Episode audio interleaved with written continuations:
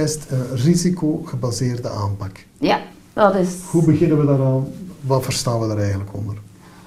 Zouden we niet eerst beginnen met de definitie wat is risico en dan een casus vertellen? Voor hem toe te passen? Ja, ja. Wat versta je eigenlijk onder risico?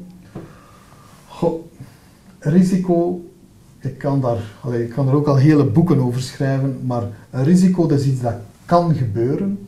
Iets dat als het gebeurt, zal het een bepaalde impact hebben, zal het, zal, het een bepaalde ernst hebben. En risico heeft, is ook gekoppeld met een bepaalde waarschijnlijkheid. Dus er is een mogelijkheid dat er een hacker inbreekt op je systeem. En als die hacker inbreekt op jouw systeem, dan gaat hij al uw data stelen en publiek zetten. Dat is een voorbeeld van, daar is een stuk impact bij, al de data stelen en publiek zetten. En daar is een stuk waarschijnlijkheid bij, gaat er zo'n hacker inderdaad binnengeraken? Alleen bestaat er zo'n hacker die die, die die intentie heeft en gaat die ook nog eens binnengeraken? Dus dat zijn, dat, dat, dat zijn zowat de Dus, zaken waar we kort. moeten rekening mee houden. Impact maal kans Ja, is dus impact, er... impact, waarschijnlijkheid en ook een klein beetje rekening houden met de sensitiviteit van de data. Sommige data zijn nu eenmaal belangrijker dan andere data. Gaan we dat nu een keer toepassen in iets die eigenlijk meer toegankelijk is voor iedereen? We gaan Ja. dus niet vanuit de grote multinational Ja. gaan. We gaan kijken naar de lokale huisdokter. Mhm. Iemand die zijn patiënten heeft, een vast publiek. Die werkt alleen thuis, op zijn computer en daar alles noteert. Hoe Ja. gaan we daarmee omgaan? Als we kijken naar het soort data dat hij verwerkt, is het Hij, sowieso... hij, hij werkt, hij werkt alleen thuis, hij zet niks op de cloud, of, of dat is juist wat hij wil doen. Ja, hij gaat het toch in de cloud zetten Ja. als backup, zo'n soort. En ook gewoon, gaat rapper. Hij kan het er dan aan als hij huisbezoeken doet. Ja. Oké, hij heeft een aantal zaken in de cloud. Dus een arts die, die gegevens verwerkt en hij, hij plaatst die in ieder geval onder andere in de cloud. Ja. Hm? Dat is zowat ja, realistisch. Nu, en dan zegt de GDPR, je moet risicogebaseerd werken. Hoe beginnen we eraan? Ja. En hoe beginnen we daaraan? Op de maat van die KMO of die, of die huisarts. Niet op de maat Die van... Wel ja, niet, niet op de maat van een grote bank die een hele risicoafdeling heeft. Hè? Nee. Dus, Ja. Dus, welke soort data gaat hij verzamelen? Dat is het eerste dat we onze vraag gaan stellen. ja. dus welke data heeft hij? Hij heeft allicht laboresultaten, eh, zijn, zijn rapporten, waar, allee, waar Oh, ik denk dat hij eigenlijk eerst zijn patiëntennaam heeft en weet waarvoor Ja. dat hij op bezoek komen. Alvorens Ja. dat hij zijn laboresultaten gaat ja, vragen. wel ja, patiënten, eh, allebei onderzoeksresultaten. Radiologie zit Eh, daarin, echo's. En ook zijn eigen notas of zijn eigen verwerking van iemand is bij mij geweest, Ja. daarom, daarom. Welke voorschriften dat hij gedaan heeft. Ja. Dus dat. Dat zijn de soorten van data. En onder welke vorm bestaan die dingen? Is dat een databank? Zijn dat bestanden? Ik zou zeggen een beetje van alles. Een beetje van alles. Dat zijn, dus dat, dat, er zijn dingen die echt in een, data, in, in een applicatie zitten die hij zelf aangekocht heeft. Ja. Daar zijn dingen bij die, die puur bestanden zijn en die hij dan zelf ergens kan verslagen dat hij moet uitschrijven Ja. voor mee te geven aan zijn collega's. Ja, Ja, beetje dat- overal, een beetje dus- losse files. Ja. Goed. Dus we weten ondertussen, hè, want dat is eigenlijk stap 1, met wat voor soort data werken we, welke data hebben we, welke systemen hebben we. Dan moeten we ook nadenken, als we naar het systeem gaan, met welke computer werkt hij? Werkt hij met laatste nieuws? Iemand is die graag met gadgets en up-to-date Ja. is binnen IT? Of werkt hij eigenlijk met zijn computer van de laatste zes jaar? Ja, ja. Dat, maar Jij wilt ervan uitgaan dat ze het laatste nieuw hebben? nee, nee ik, wil, ik wil er eerst van uitgaan. Dat zijn de data. Wat kan er nu mee gebeuren? En wat kan daarmee gebeuren? In principe kan alles daarmee gebeuren. Zowel de laatste nieuwe computer als de computer van 10 jaar oud kan gehackt worden. Dus, dus als we het nog maar hebben over wat kan er gebeuren, hoeven we ons daar eigenlijk geen zorgen over te maken. En dan is de volgende stap van hoe kunnen we zorgen dat we dat, we dat voorkomen dat dat gebeurt. En dan kan je nog kritiek hebben op die, op die arts die nog altijd Windows XP gebruikt. Ja. Hè, maar eerst, wat kan er gebeuren? Wat kan er met die data gebeuren? Hij kan ze verliezen. Hoe, hoe gaat dat verliezen? Zijn login kwijtspelen? Nee, zijn laptop die gestolen wordt. Ja, oké. Wat gaan we daaraan doen? Ja. Tijdens een huisbezoek wordt zijn laptop gestolen. Dus dat is een reëel risico. Wat kan er exact gebeuren? Ja, iemand heeft die laptop en kan erop inloggen. Ook als iemand gewoon die laptop heeft en hij kan daar niet op inloggen, kan hij die data van die schijf halen, want meestal staat dat gewoon op die schijf. Iemand kan die schijf er gewoon uithalen en ergens anders in stoppen. Dat zijn de zaken die kunnen gebeuren. Wat kunnen we daaraan doen? Ja, Wel, in de eerste plaats zijn harde schijven crypteren. ja. Dus dat is eigenlijk de gemakkelijkste als het gaat over laptop stelen. Eh, databank, allee, uw, schijf encrypteren. En uw schijf encrypteren, dat zit in uw, in uw operating system, is dat een functie. Het enige nadeel is, met die computer van 10 jaar oud, die gaat al vooruit kruipen. En, en als je dat dan nog eens encrypteert, gaat hij, gaat hij zelfs niet meer kruipen.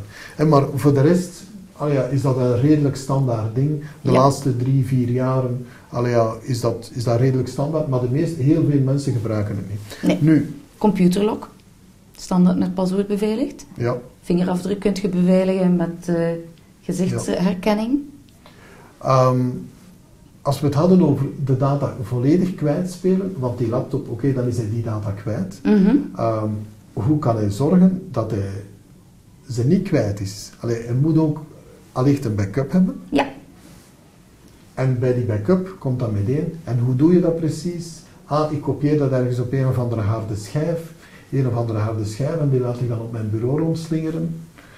weer met hetzelfde verhaal. Niet Ja. geëncrypteerd, Ja. geen toegangscode. Ja. Niet een keer Die- om de twee weken. Ja, die cloud provider. Die cloud provider gaat plots failliet en hij stopt er gewoon mee. Ja, Ja, dus daar, ah, oké, ik kan dat oplossen met een backup, hè, die dan weer aan alle regels voldoet. Eh, de cloud, dat is heel gemakkelijk via een, een appje op mijn, op mijn, op mijn gsm-toestel en ik ben, meteen, allee, ik ben meteen verbonden, ik heb alle meest recente data, maar iemand anders kan ook inloggen op die cloud. juist. Dus moeten we maken dat er multifactor authentication is. Ja, Dus je hebt de login, maar je moet dan via een andere code nog gaan bevestigen. Dit Ja. kan via een sms doorgestuurd worden. Het kan ook met een bepaalde eh, authenticator tegenwoordig. Dat je ook een appje dat je open doet, die altijd verschillend is. Een soort token om in te loggen. Dan ook het beste is dat je voor alles een ander paswoord gebruikt. Dus dan wordt dat eigenlijk wel gecompliceerd. Dus best nog ook een eh, paswoordmanager gaan installeren. En wat we vaak over het hoofd zien, is dat je ook altijd ervoor moet zorgen dat je een up-to-date virusscanner hebt. Hoe raar dat dat ook klinkt, maar dan zouden we best gaan voor een betalende versie, omdat die constant alles screent vanaf je een USB-stick insteekt. Screent je dat toestel, gaan kijken naar alles dat binnenkomt in je e-mails, terwijl als je niet betaald hebt, dan moet je hem zelf gaan activeren. ja. Dus dan is het risico dat je dat niet doet omdat je tenslotte geen IT'er bent die, die steeds maar met, met dat IT-systeem bezig is. En dan heb je daar een risico dat je, daar, dat je daarin nalatig gaat zijn. Een andere optie ook is om te maken dat uw patch management goed is. Dus met andere woorden, altijd al uw updates installeren. Dus al dat, soort, al dat soort maatregelen, dat zijn allemaal maatregelen, maar het groot verschil is als je zegt, eh, ik heb hier een boekje gelezen, hoe ben ik veilig? En dit zijn, de, dit zijn de 15 dingen die ik moet doen. Nu hebben we dat verteld vanuit standpunt, wat zijn de risico's? En misschien zijn er sommige security maatregelen die vaak worden aangeraden, die in onze context eigenlijk niet nodig zijn, eigenlijk weinig, weinig, extra, weinig extra voordeel bieden. En op die manier moet je nagaan, wat zijn voor mijn case, wat zijn voor mij de relevante risico's en de relevante maatregelen. Inderdaad. Een van de maatregelen bijvoorbeeld ook als die dokter op huisbezoek gaat, dat hij hem niet zomaar connecteert op ieder netwerk. Ja. Daar had ook een risico in. Dus zo'n free wifi. Ja, een free wifi, Ja.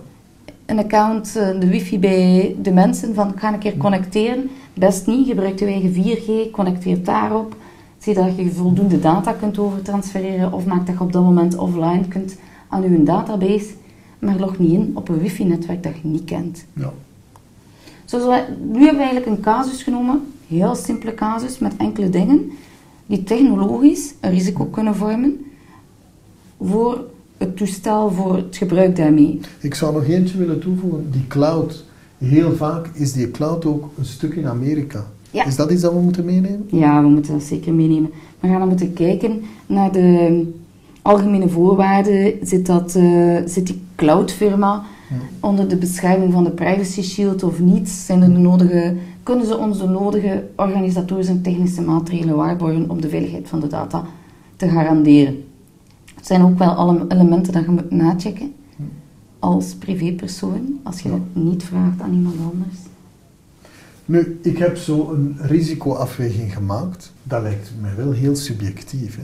Is dat niet, kan ik niet altijd zo'n risicoassessment hebben en eigenlijk niks doen en wel een of ander document dat dat allemaal verantwoordt dat ik niks doe? Dat is een mooie utopie, maar het is helaas niet waar. Ze is streng, hè? nee, uiteindelijk moet je voor jezelf uitmaken. Je kunt daar positief op antwoorden. Allee, ik zeg dat vaak ook in de lessen. Ik bijvoorbeeld ben iemand die heel positief ingesteld is en ga altijd hogere waardes geven dan iemand die meer realistisch is en vaker negatieve elementen gaat zien. Maar op het einde van de rit gaan we allemaal dezelfde besluiten hebben. Mhm. Omdat je dezelfde toprisico's Ja. gaat hebben.